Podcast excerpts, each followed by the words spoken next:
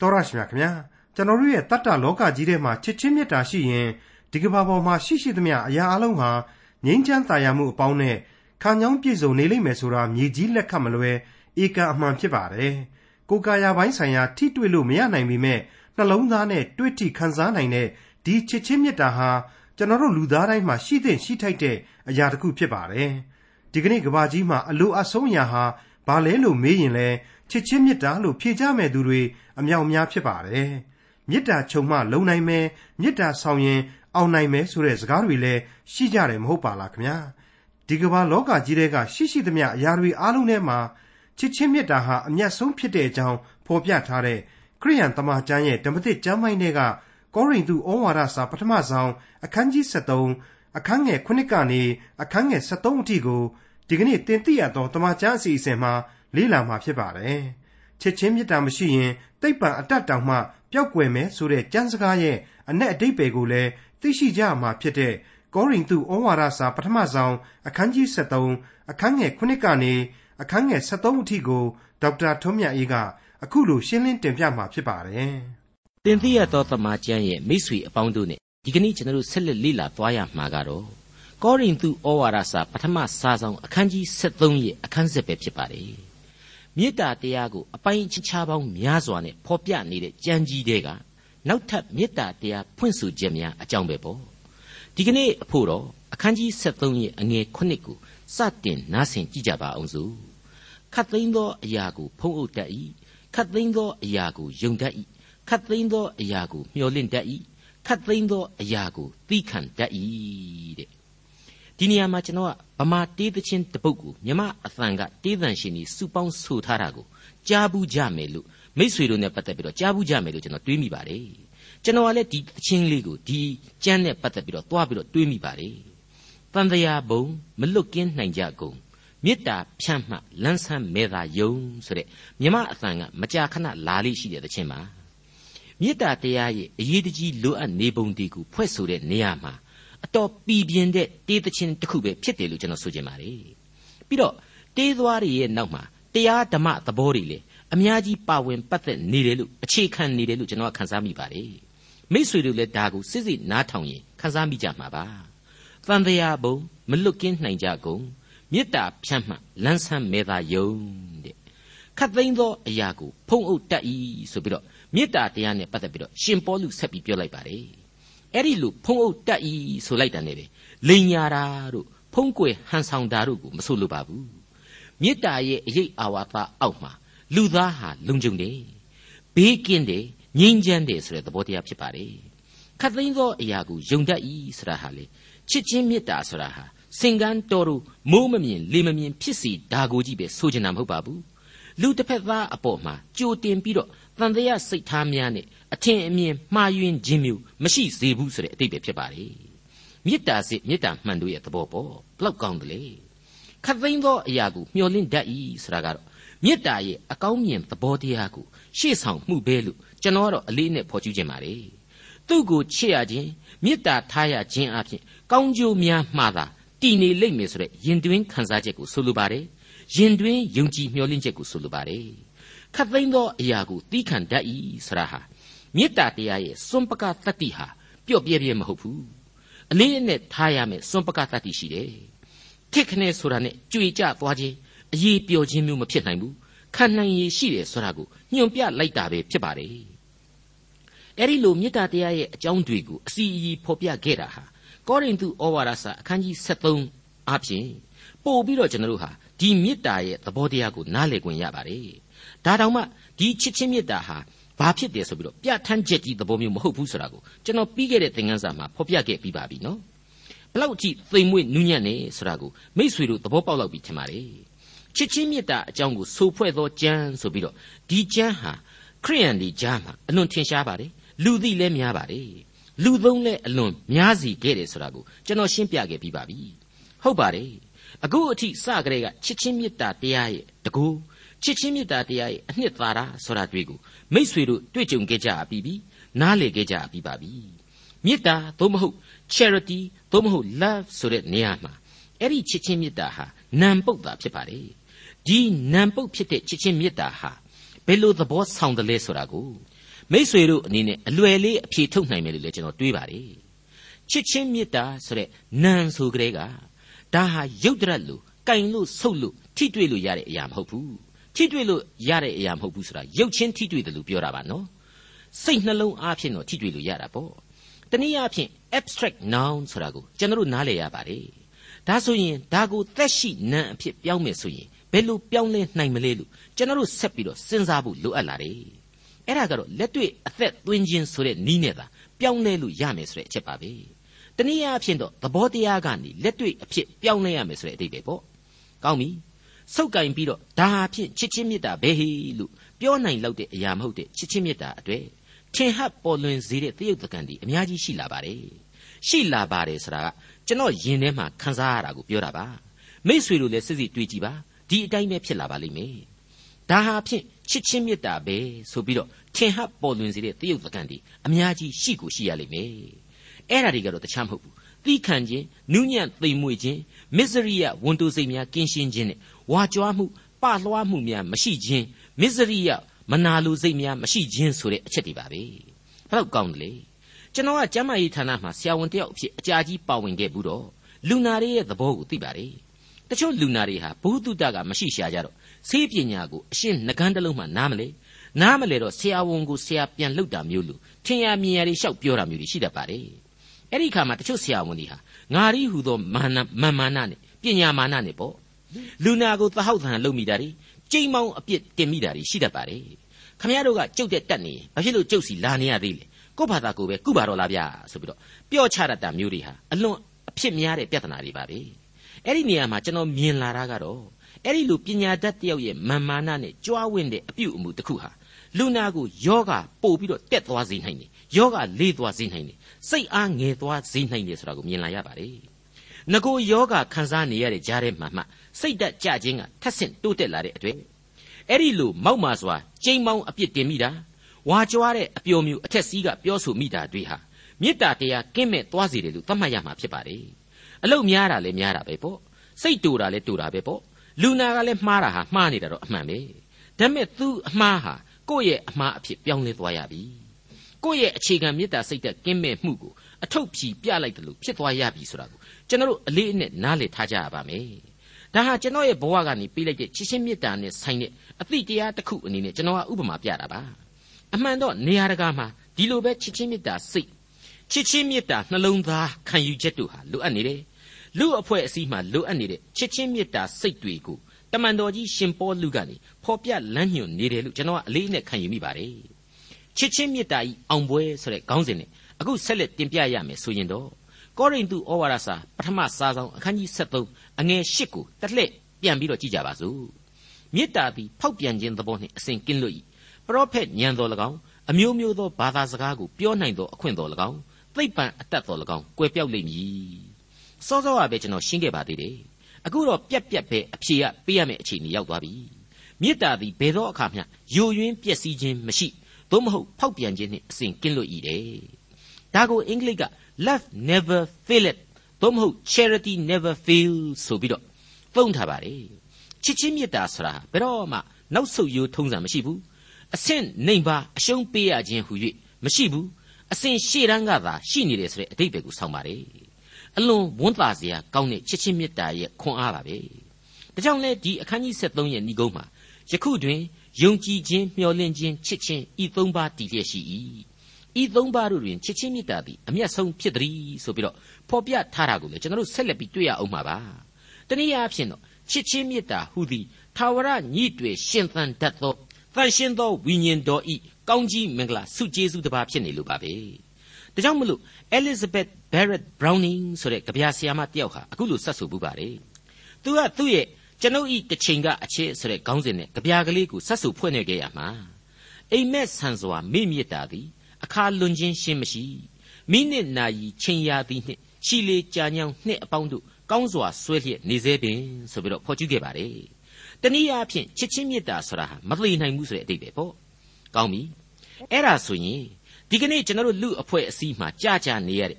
ခုကြိုက်ခုလက်ထက်နောက်တနေ့မှရန်ဖြစ်တလနှစ်လလောက်နေတော့ဖောက်ပြန်ပြက်စီးပြီးတော့ကိုယ်ကွင်းကွဲကွာသွားကြရတာဒီဟာဒီကဗျာတွေကအချစ်မျိုးတယ်လားမဟုတ်နိုင်ပါဘူးအဲ့ဒီလိုချစ်ချင်းမေတ္တာတွေဟာအချစ်လို့တော့ပြောနိုင်တာအမှန်ဒါပေမဲ့တဏှာပေမနဲ့ရှင်တဲ့ sex လို့ခေါ်တဲ့ကာမဂုဏ်အချစ်ဖြစ်လာရတယ်တနည်းအားဖြင့်တော့ကျွန်တော်ပထမဦးဆုံးအတန်းအစားခွဲခဲ့တယ်မြေသားတို့ရဲ့ကာမဂုဏ်အာယုန်နဲ့သက်ဆိုင်တဲ့အချစ်ပဲပေါ့ တခါတရံမှာလူသားမိတ်ဆွေသင်္ဃကြားတဲ့ကတန်ရောစဉ်ခင်မင်မှုဆိုတဲ့ကောင်းမွန်ပါတယ်ပုံမမြင့်မြတ်ပါတယ်ဆိုတဲ့အချစ်တွေကရောအဲ့ဒါတွေလေကုန်ခန်းချင်းရှိသွားနိုင်တယ်ဒါဆိုရင်အခု browning ရဲ့အချစ်ဟာဘယ်လိုအချစ်မျိုးဖြစ်နိုင်သလဲဖျားသခင်၌တည်သောအချစ်သာလျှင်ဖြစ်ရပါလိမ့်မယ်အခုတမန်တော်ကြီးရှင်ပေါလုဖော်ပြနေတဲ့တန်ရှင်းသောဝိညာဉ်တော်ဤပြုပြင်ပေးသောကောင်းကင်ယနံ့သင်ပြန့်သောအချစ်လို့ကျွန်တော်ကတော့ရှင်းရှင်းကလေးပဲဆိုဖွဲ့လိုပါတယ် အဲ့ဒါဟာဘုရားသခင်ရဲ့တက်ဆွန့်မေတ္တာကိုကိုစားပြုတဲ့အဂါပီယိုခေါ်တဲ့ချစ်ချင်းမေတ္တာပါပဲဘာပဲပြောပြောဒီချစ်ချင်းမေတ္တာဟာလူသားတို့အဖို့ဆွဲယူအလွဲသုံးပြီးတော့ကိုယ့်အချစ်ကိုကိုတင်စားဖို့အတွက်အကွက်တစ်ခုလိုဖြစ်နေပြန်ပါလေဒါဟာလက်တွေ့ကျင့်စဉ်သာမပါဝင်နေရမယ်လူသားတွေရဲ့သဲကြီးကြိုက်အချစ်အဖြစ်ကတော့ဆိုလိုကောင်းရွတ်လိုကောင်းတဲ့ကြမ်းအဖြစ်လွှမ်းမိုးနေတယ်လို့ကျွန်တော်လေးနဲ့စွာယူဆမိပါတယ်မိတ်ဆွေအပေါင်းတို့ဖောက်ပြန်ခြင်းမရှိ အပြောင်းလဲအရှင်းမရှိတဲ့ကောင်းကင်ယနံ့သင်ပြန့်တဲ့ချစ်ချင်းကိုခရစ်တော်အားဖြင့်လူသားတိုင်းဟာထိတွေ့ခံစားနိုင်ပါတယ်ဒါပေမဲ့ကျွန်တော်ဖော်ပြခဲ့တယ်လို့ရုပ်ဒရက်နဲ့တော့စမ်းလို့ကင်လို့မရနိုင်တဲ့ဒီချစ်ချင်းကိုကျွန်တော်တို့လူသားတိုင်းဟာကြီးမားတဲ့အကာအယံတစ်ခုအားဖြင့်ထိတွေ့ရခြင်းမရှိဘဲဖြစ်တတ်ပါလေအဲ့ဒီအကာအယံကတော့အပြည့်ဆိုတဲ့အကာအယံတိုင်းကြီးပါပဲမထူးဆန်းဘူးလားအဲ့ဒီအပြည့်ဆိုတဲ့အကာအယံကိုဖယ်ရှားဖို့အတွက်ကတော့ယုံကြည်ခြင်းအကျင့်ဖြစ်ပါတယ်နောင်တနှလုံးသားဖြစ်ပါတယ် ဘုရားသခင်ရဲ့တန်ရှင်းသောဝိညာဉ်တော်သွန်သင်သောချစ်ချင်းမေတ္တာတရားဖြစ်ပါတယ်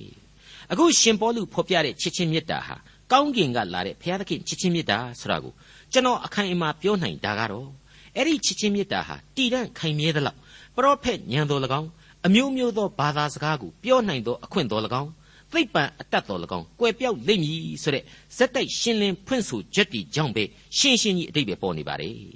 သက်တည်ပြเสียမလိုတော့အောင် ဖျားသခင်စီကသာဒီချစ်ချင်းမြတ်တာလာရမယ်ဆိုတာဟာအတိတ်ပဲနားလေသဘောပေါက်နိုင်လောက်အောင်ဖြစ်လာပါလေခရစ်တော်ရဲ့ပေါ်ထွန်းခြင်းနဲ့သက်ဆိုင်တဲ့ပရောဖက်တို့ရယူခဲ့ရသောအနာဂတ်တန်သညံတော်တွေဟာကွယ်ပြောက်ခဲ့ရသလိုခရစ်တော်ဒုတိယအကြိမ်ကြွလာတော်မူခြင်းဆိုင်ရာအနာဂတ်ကျမ်းတို့ဟာတစ်ခုပြီးတစ်ခုပြည့်စုံကုန်ခဲ့ပါပြီဘာသာစကားအမျိုးမျိုးပြောဆိုနေတဲ့ကမ္ဘာမှာဆက်သွယ်ရေးအတတ်ပညာတွေတိုးတက်မှုနဲ့အတူကမ္ဘာကြီးဟာတဖြည်းဖြည်းကျင့်မြောင်းလာနေပါပြီ အဲ့ဒီလိုပါပဲအတိတ်ကအတတ်ပညာတွေကိုပြစ္ဆုတ်ပံအတတ်ပညာတွေဟာဖယ်ရှားနေပြီးတော့ပြစ္ဆုတ်ပံကအတတ်ပညာတွေဟာလေအနာဂတ်ကာလမှာကွယ်ပြောက်သွားကြအောင်မှာဧကန်အမှန်ဖြစ်ပါလေခရစ်တော်ရဲ့လူသားတို့အပေါ်မှာပြသခဲ့တဲ့ဖျားသခင်ရဲ့ချစ်ချင်းမေတ္တာဆိုတာကတော့ဘယ်အချိန်မှကွယ်ပြောက်မှာတော့ဘယ်တော့မှမကွယ်ပြောက်နိုင်ဘူးကတ်ကာလအချိန်အထိလူသမိုင်းဟာအစဉ်တစိုက်ခံစားသွားရလိမ့်မယ်ဒီမေတ္တာတော်ရဲ့ရှင်သန်ခြင်းကိုထိတွေ့သွားရလိမ့်မှာဧကန်အမှန်ပဲဖြစ်ပါတယ် ကောရိန္သုဩဝါဒစာပထမစာဆောင်အခန်းကြီး73အငယ်9နဲ့10ယခုမူကားငါတို့သည်မစုံမလင်သိတတ်ကြ၏ပရောဖက်ဉာဏ်နှင့်မစုံမလင်ဟောရကြ၏စုံလင်ခြင်းသို့ရောက်သောအခါမူကားမစုံလင်သမျှတို့သည်ကွယ်ပြောက်ကြလိမ့်မည်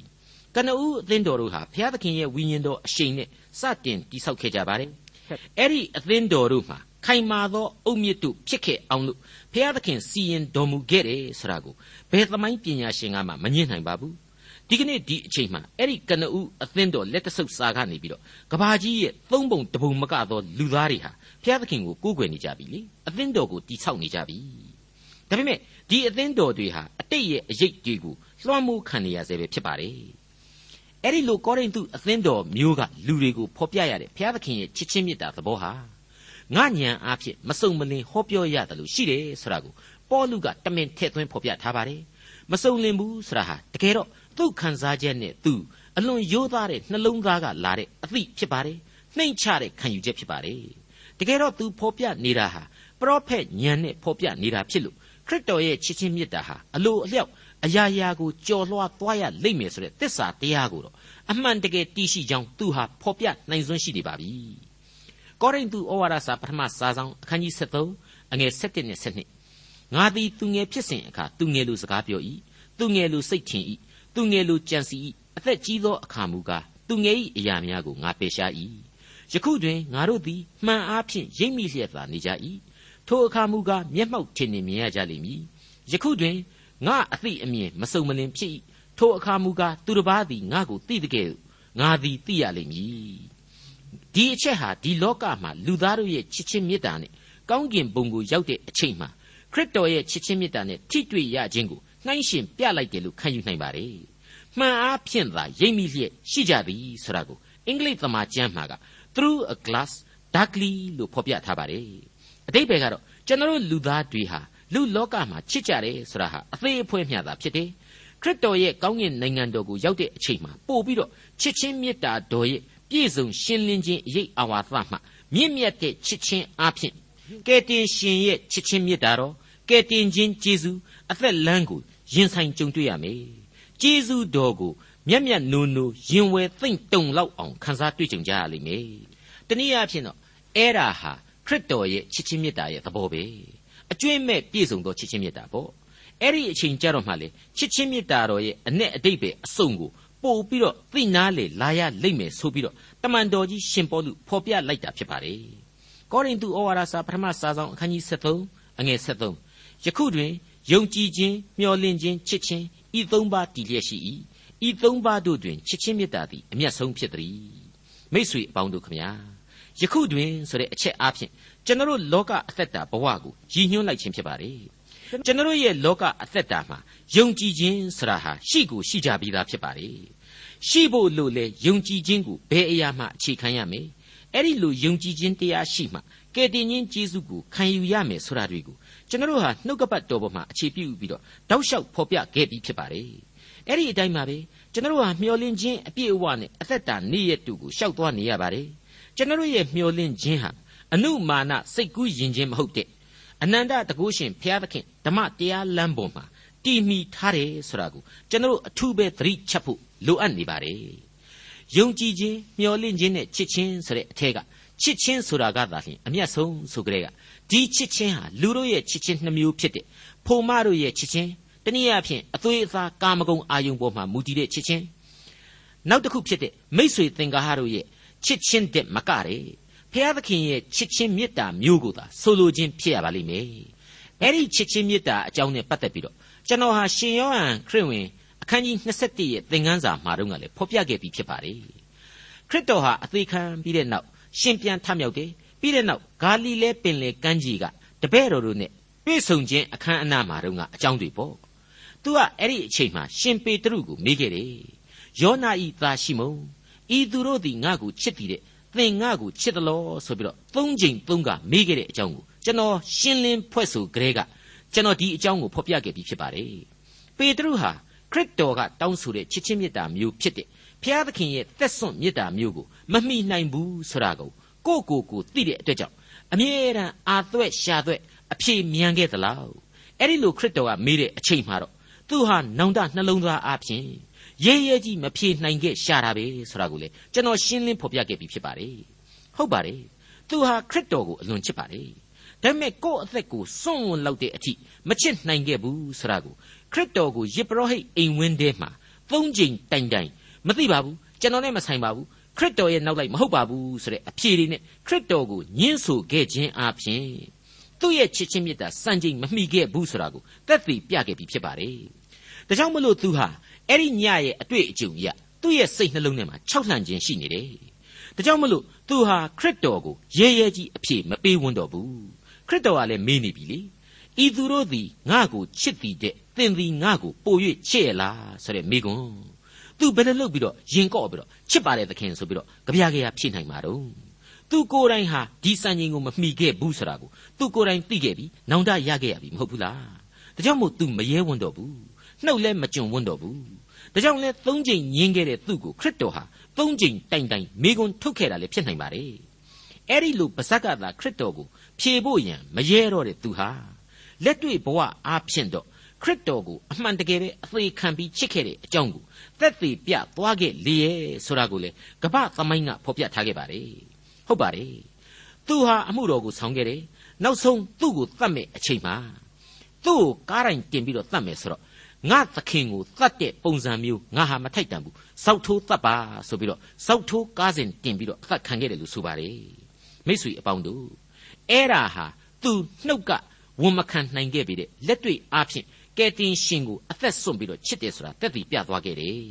ဘလောက်အံ့ဩဖို့ကောင်းတယ်လေအခုယုံကြည်ခြင်းမျှော်လင့်ခြင်းနဲ့ချစ်ခြင်းဤသုံးပါးတည်ရှိနေတဲ့လောကမြေမှာဒီမေခွန်းတွေကချစ်ခြင်းဟာအကယ်၍လူသားတို့ရဲ့ချစ်ချင်းအဆင့်တွေသာဖြစ်ခဲ့မယ်ဆိုရင်တနည်းအားဖြင့်ကျွန်တော်ဖော်ပြခဲ့ပြီးတဲ့အတိုင်းဖိုမတို့ရဲ့ချစ်ချင်း